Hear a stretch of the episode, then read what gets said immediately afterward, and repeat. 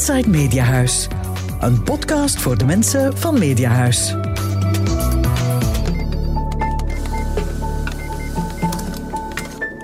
Welkom bij Inside Mediahuis, de podcast voor alle Mediahuis-collega's. Dat zijn er 4332 in vier landen. 2129 in Nederland, 1112 in België, 255 in Luxemburg en 746 in Ierland. En al die collega's zijn één handshake away van collega-journalisten in Polen en Slowakije. Waarover later meer. Ja, trouwens, Monique, ehm, er komen er nog 400 bij binnenkort. Nieuwe collega's. eh, en namelijk Oh. Duitse collega's. Je weet, we hadden al eerder aangekondigd dat we in gesprek waren eh, om eh Medienhuis Aachen over te nemen en te verwelkomen in onze groep. Die gesprekken waren nog niet helemaal rond, maar intussen is dat wel gebeurd. Het is helemaal afgerond en dus vanaf begin volgend jaar hebben we ook een, eh, een Duitse dochter in onze, in onze mooie familie. Wauw, een scoop. Inderdaad. Ehm, vandaag hebben we hoog bezoek, want niet alleen zit ik hier met eh, CEO Gert IJzerbaard, maar ook met voorzitter van Mediahuis, Thomas Leijsen. Dat wil zeggen, ik zit niet bij hun, ik zit hier in mijn eentje in de studio in Amsterdam bij de Telegraaf. Dankjewel, Telegraaf, voor de gastvrijheid. En Gert en Thomas zitten in de studio in België. Welkom Thomas Leijsen. Voordat we gaan eh, beginnen met de aflevering, is het misschien leuk als u even aan de luisteraars vertelt hoe uw mediamenu eruit ziet. Het dagelijkse mediamenu. Goedemorgen, Monique. Eh, Heel blij dat ik hier op eh, Inside Mediahuis ook uitgenodigd ben. Mijn mediamenu. de kranten, de papieren kranten die ik elke dag op mijn kantoor krijg, dat zijn de Standaard, dat is ehm, de Gazet van Antwerpen als Belgische kranten, eh, de Telegraaf en NRC Handelsblad. En ik lees ook eh, dikwijls de krant De Tijd. Eh, dat zijn de papieren kranten die ik krijg. Ik heb online subscriptions op bijna alle mediahuistitels, dus ik ga af en toe daar ook eens een kijkje nemen. En ik krijg ook elke week een papieren versie van de Sunday Independent toegestuurd. Dus het is vooral een papieren menu. Wel, grotendeels ja. Ik ben nog van die generatie die daarmee opgegroeid is. Nu natuurlijk, eh, ik, eh, ik surf regelmatig op eh, internationale nieuwssites. Eh, ja, ik ben nog iemand die gehecht is aan de, aan de papieren kant. En ik moet zeggen, ik ben ook nog bij die dinosaurus die als ze online gaat en als die optie bestaat, dikwijls nog voor de pdf-versie gaat. En podcast? En podcast eh, zeer zeker. eh, en ik ben een eh, regelmatige luisteraar van eh, niet alleen Inside Mediahuis, maar ook van ehm, de podcast van NRC van, van de Standaard. Mooi. In the house. Gert, collega-journalisten in Polen en Slowakije. Wat hebben die te maken met Mediahuis? Ja, dat heeft alles te maken met eh, het nieuws dat we aangekondigd hebben rond Pluralis. Het, het fonds waar Mediahuis een van de oprichters is en, en investeerders. Een fonds dat eigenlijk wil onafhankelijke media in landen waar die dan onder druk staan eh, ondersteunen door financiering. Eh, een initiatief waar wij sterk bij betrokken zijn geraakt, waar Thomas ook heel sterk bij betrokken is. Dus vandaar dat het leek het mij een heel mooie topic voor deze uitzending. En zeker om Thomas erbij te hebben, die hier een, eh, een belangrijke rol in gespeeld heeft. Ja, Thomas, waarom doen we dit? Waarom doet Mediahuis dit? Wel, ik denk inderdaad dat dit een heel eh, waardevol project is. Eh, het project is eigenlijk ehm, ontstaan vanuit een New Yorks fonds, eh, Media Development Investment Fund. Dat is een fonds dat zich inzet voor mediadiversiteit, mediapluraliteit doorheen de wereld. Eh, zij hebben investeringen en zij ondersteunen bedrijven in Latijns-Amerika, in eh, Azië, in, in Europa. Eh, in Azië zijn ze met name een van de funders, een van de geldschieters voor de site Rappler, waarvan de journaliste onlangs de Nobelprijs voor de Vrede gekregen heeft. Eh, dus zij hebben ook een activiteit in Centraal- en Oost-Europa al van oudsher. Nu, we gaan het er straks zeker langer over hebben. In Centraal- en Oost-Europa staat die mediadiversiteit toch wel onder druk. Onder druk van regeringen die een grotere greep willen krijgen op eh, die verschillende mediabedrijven. En daar zijn toch wel belangrijkere bedragen voor nodig dan diegene die MDIF zelf kan opbrengen. Dus daarom zijn zij naar een aantal Europese andere uh, spelers, naar Europese stichtingen in eerste instantie en naar Europese mediabedrijven gestapt om te zien of dat we niet samen een investeringsfonds konden oprichten om in die bedrijven te participeren. En uh, zo zijn ze in eerste instantie bij een oude bekende terechtgekomen, de Koning Boudewijn Stichting, een belangrijke stichting in België, waar ik ook bij betrokken ben. En uh, Koning Boudewijn Stichting zag dat wel zitten, steunt ook andere initiatieven ter ondersteuning van onafhankelijke journalistiek. Bijvoorbeeld het Civitatis-project, uh, dat een heel mooi project is. En dus de Koning Stichting was geïnteresseerd, maar uh, via mijn rol daar als voorzitter ook, ja, werd ik op de hoogte gebracht en dacht ik, kijk, dit is eigenlijk iets waar Mediahuis ook een rol zou kunnen spelen. En dan zijn we met Gert daarover beginnen praten, hebben ons eigenlijk heel snel achter dat idee geschaard. Uh, maar tussen droom en daad uh, was er hier ook een hele, hele weg af te leggen, want dat is een proces dat ongeveer uh, anderhalf jaar geduurd heeft om dit helemaal op te tuigen, om hier voldoende middelen bij elkaar te krijgen om te kunnen starten. Ja, nou bent u een zakenman. Hè? U staat ook aan het hoofd van DSM en Umicore, een chemiebedrijf. Waarom is dit zo belangrijk voor u? Wel, uh, ik ben uh, uh, zeker een zakenman, maar ik ben ook iemand die overtuigd is van het belang van onafhankelijke pers. Anders zou ik hier niet op deze stoel zitten bij Mediahuis. En zou, zou ik niet de laatste jaren hard met, met Gert en het team aan de uitbouw van Mediahuis gewerkt hebben. Dus dat is iets wat mij sowieso boeit en na aan het hart ligt. Ik denk het engagement naar Pluralis toe gaat enerzijds uit van die liefde en voor, voor media, maar gaat ook als Europese burger uit van een zorg over ja, de rechtsstaat, de democratie in, in de Europese Unie. En we weten dat in een aantal landen dat die toch enigszins onder druk komt. En ik denk als we daar een bescheiden bijdrage kunnen toeleveren in een domein waar we ook expertise hebben, dan vond ik dat we dat eigenlijk moesten doen. En dat Mediahuis zich dat ook kon permitteren. Mediahuis staat er goed voor. Uh, we hebben ons heel goed ontwikkeld. Dus uh, vonden we dat we dit initiatief, dat we daar ook wat risico konden nemen. Nu, het blijft een investering. Het blijft een investeringsfonds. Dus het is geen liefdadigheid wat we daar doen. We investeren met de hoop dat deze bedrijven uh, niet alleen in stand kunnen blijven, maar dat ze zich verder ontwikkelen. Dat we daar ook op termijn een zekere financiële return uh, uit kunnen halen. Maar de financiële return is misschien niet onze eerste drijfveer en is ook misschien minder zeker dan in andere initiatieven die we nemen. Uh, daarom is het een, wat je eigenlijk een impact-investering zou kunnen nemen. Een investering waar je een zekere financiële return van verwacht, maar vooral ook impact, maatschappelijke impact van verwacht. En ja, als Europeaan denk ik dat dit een van de manieren is waar we een zekere impact kunnen hebben. Hoe groot is het fonds eigenlijk? Wel, we hebben nu een, um, een 30 à 40 miljoen euro bij elkaar gebracht. Uh, dat was uh, wat we in het begin vooropgesteld hadden als minimumdrempel om echt actief te kunnen worden, om naar buiten te kunnen treden. En de hoop is dat we dat in de komende maanden, jaren verder kunnen uitbouwen. Want het is zo dat met dat geld dat we nu samengebracht hebben, die twee investeringen hebben kunnen doen in Slowakije en in Polen. Dus uh, nu komt het erop uit om meer fondsen te vergaren, om uh, later ook eventueel in andere landen of in andere bedrijven mee te kunnen investeren als die vraag zich stelt. Gert, betekent dat nu dat je regelmatig in uh, Polen en Slowakije bent? Wel, het is toch wel een verschil met de andere stappen die we gezet hebben, uiteraard. We zijn hier uh, initiatiefnemer en ook een van de grote uh, partijen achter dit fonds. Maar we blijven ook wel wat op, op afstand.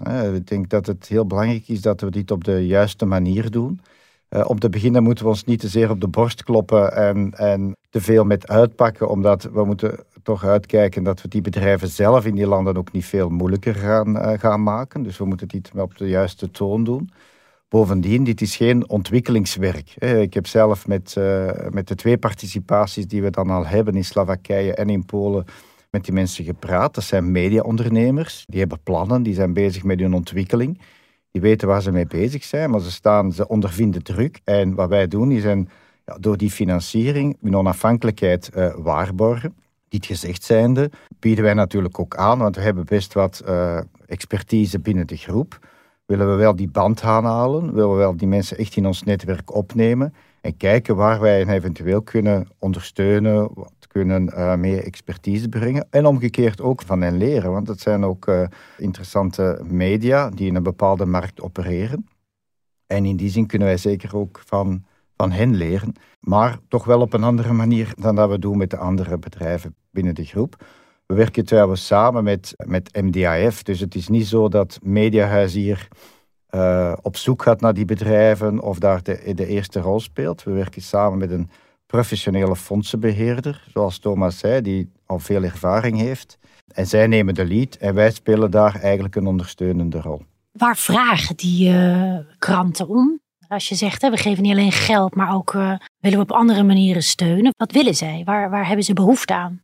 Ik denk dat zij vooral, zij willen uh, minder druk. Hè. Zij willen eigenlijk kunnen werken in een onafhankelijke omgeving, zoals dat wij die eigenlijk ook kunnen bieden aan onze media.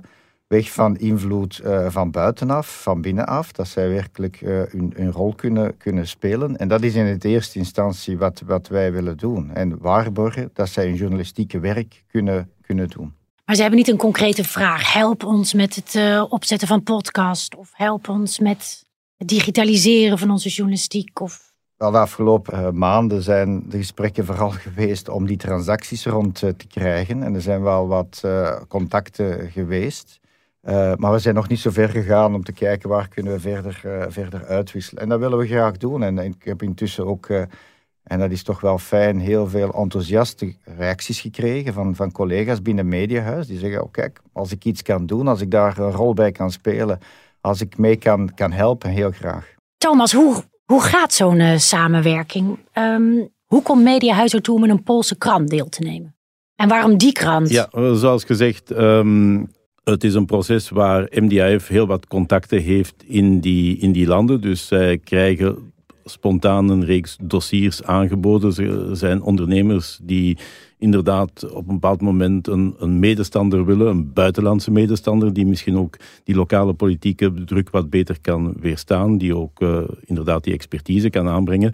Die kloppen dan vaak aan bij MDIF. MDIF heeft daar ervaring mee. Uh, nu, in het kader van Pluralis zijn er twee organen. Er is enerzijds een investeringscomité, daar zit ook uh, mediahuis CFO Christian de Beukelaar mee aan tafel. Dus die gaan die dossiers puur eh, financieel ook uh, eerst ontleden en zien, heeft dit zin, heeft dit slaagkansen, wat zijn de condities om zo'n transactie te kunnen doen. En dan is er een raad van bestuur of een raad van commissarissen in de Nederlandse zin. Het is trouwens een Nederlandse BV die uh, bij NRC gevestigd gaat worden.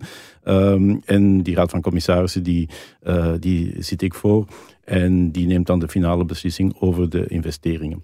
Dus het is een collectieve uh, onderneming. Er zitten een aantal mensen rond de tafel. En ja, samen beslissen we uh, of dat we die investeringen doen en hoe dat we die doen. En zullen die ook uh, opvolgen. Nu inderdaad, in het geval van de Poolse groep, de krant Jespospolita ik heb het geleerd ongeveer om het ja, ongeveer uh, juist uit te spreken.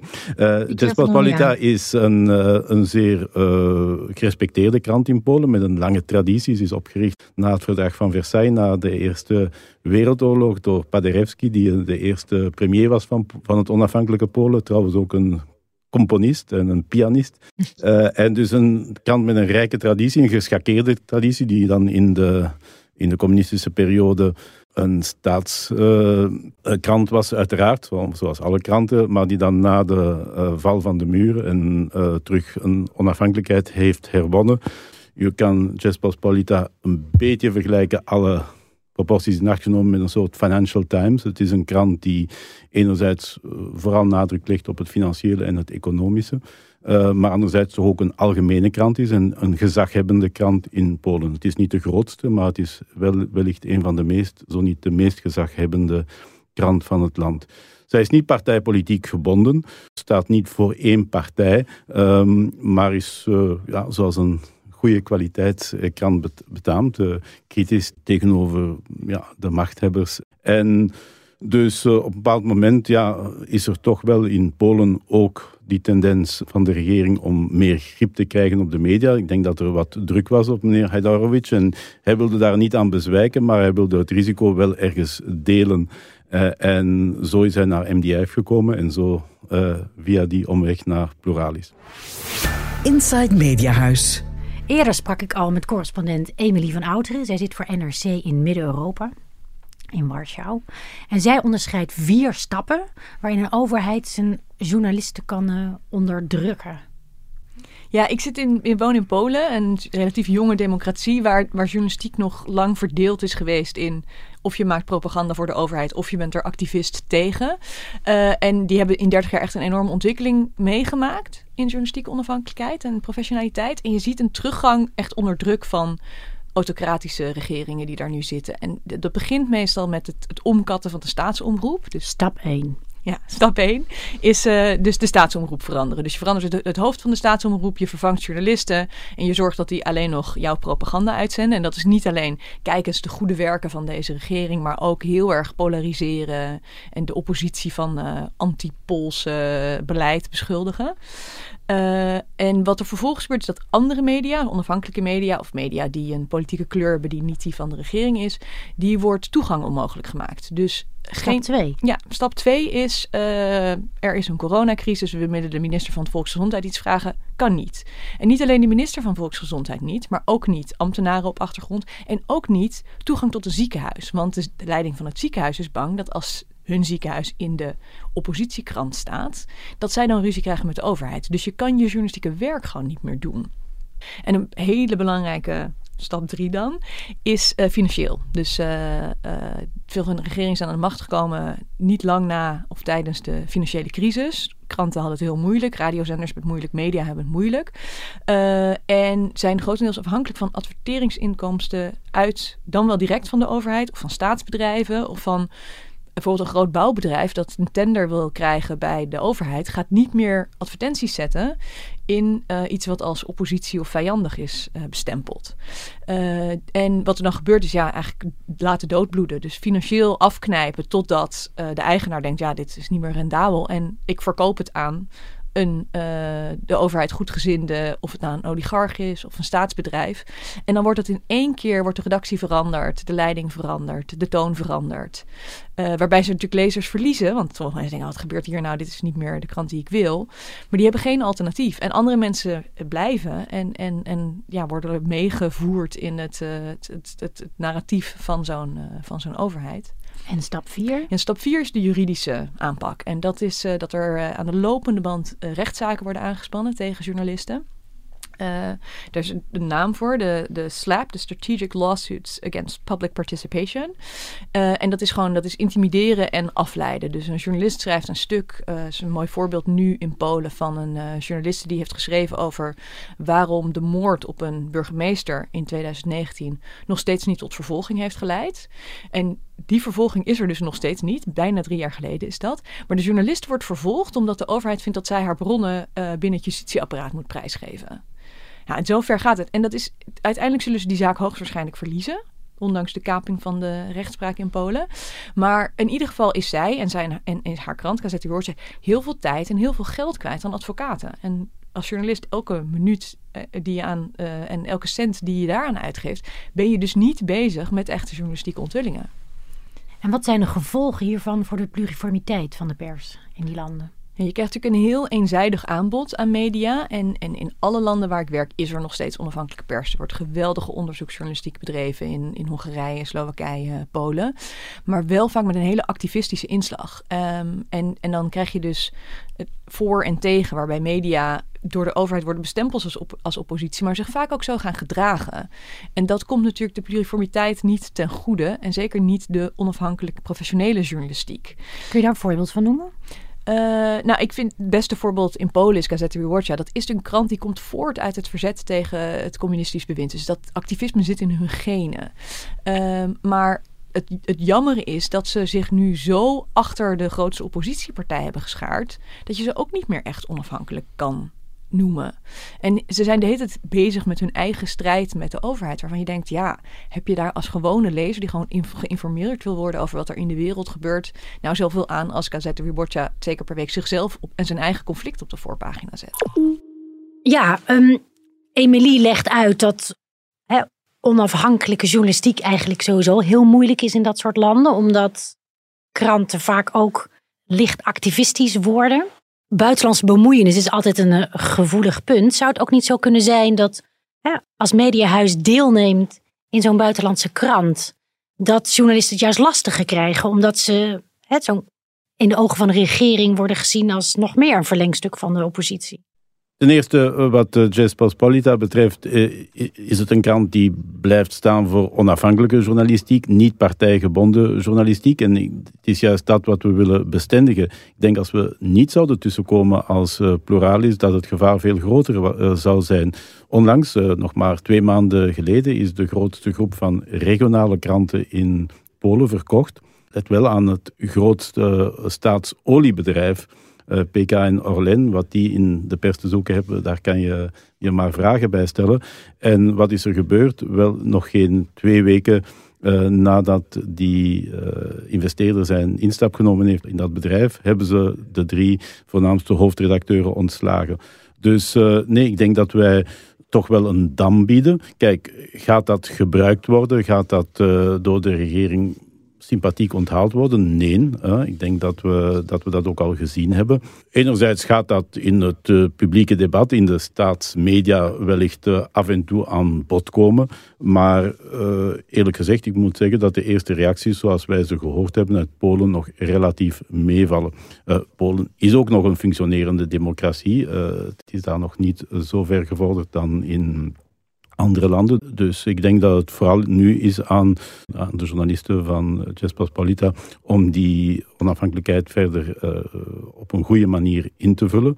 Kijk, kan daar dan wat druk komen? Uh, enerzijds in het publieke debat, ja, wellicht wel, maar goed, daar moeten we kunnen aan weerstaan. Twee, ja, men kan proberen financieel eh, die, dat bedrijf enigszins onder druk te zetten door misschien bepaalde um, overheidsadvertentiebudgetten terug te trekken. Goed, Eén, dat is niet zeker. En twee, als het zo is, dan zullen we daar ook maar mee, mee leven. Daarvoor zijn we er net. Mooi antwoord. Um, die Poolse krant waar we het over hebben, heeft die een politieke kleur? Uh, niet uitgesproken. Ik denk dat zij eerder in het uh, toch wel conservatieve kamp gezien wordt. Maar zoals gezegd, helemaal niet gealigneerd met de regeringspartij. Ze staat partijpolitiek onafhankelijk. Maar Pluralis is uh, geen partijpolitiek project. Ik denk dat we daar heel duidelijk in moeten zijn. Wij staan voor diversiteit in de media, uh, pluriformiteit in de media en we willen die in alle landen ondersteunen waar die onder druk is en waar we enigszins een impact kunnen hebben. Uh, dus ik denk in Slowakije staat die krant uh, waar we in geïnvesteerd hebben, SME, die staat eerder wat linkser van het centrum wellicht in Polen eerder aan de conservatieve kant. Dus ons gaat het niet om een bepaald partijpolitiek project. Wij proberen onafhankelijke, kwaliteitsvolle journalistiek te ondersteunen en te blijven waarborgen. En als uh, bedrijven naar ons toe komen en ja, die hebben een goed project en die hebben een bepaalde journalistieke standaard, dan willen we dat ondersteunen. Dus. Mooi. Een krant in Polen, een krant in Slowakije. What's next? Wat we nu gedaan hebben de afgelopen maanden is het uh, fonds vormgegeven. Het fonds is uh, opgericht. Het is opgericht door eigenlijk drie grote uh, partijen. De Koning Boudewijn Stichting, zoals Thomas gezegd heeft. Het Fonds Achter Soros. En dan Mediahuis. Trouwens niet alleen Mediahuis als bedrijf, maar ook de aandeelhouders achter Mediahuis hebben zich hier achter geschaard. Want we kwamen op een bepaald moment was het toch moeilijker dan we verwacht hadden om andere partijen te interesseren om hierin deel te nemen. We hebben gezegd met Media's, kom, we gaan een stuk ons engagement vergroten om dit nu eindelijk van de grond uh, te krijgen. Wat we nu zullen doen, is met de structuur die er is. Hè, er is een investeringscomité, er is de raad van bestuur, dus het bedrijf staat er. En twee dingen. Enerzijds ja, meer fondsen aantrekken. Hè. We willen tot een groter fonds komen om ook verdere stappen te kunnen, te kunnen zetten. Dat zal gebeuren onder de vorm van kapitaal of onder de vorm van obligaties of giften. Er worden verschillende paden bewandeld. We denken nog dat het meer tractie zal krijgen nu dat het fonds er echt staat. En langs de andere kant uiteraard, samen met MDIF, kijken naar ja, welke bedrijven zijn er dan. En daarvoor heeft MDIF eigenlijk al min of meer een lijstje klaar, een soort prospectielijstje klaar van bedrijven die geïnteresseerd zouden zijn, die steun uh, of meer ondersteuning kunnen, kunnen gebruiken. En dat willen we dus in het volgend jaar ontwikkelen, om zo het fonds groter te maken en het dus ook ja, de impact te vergroten.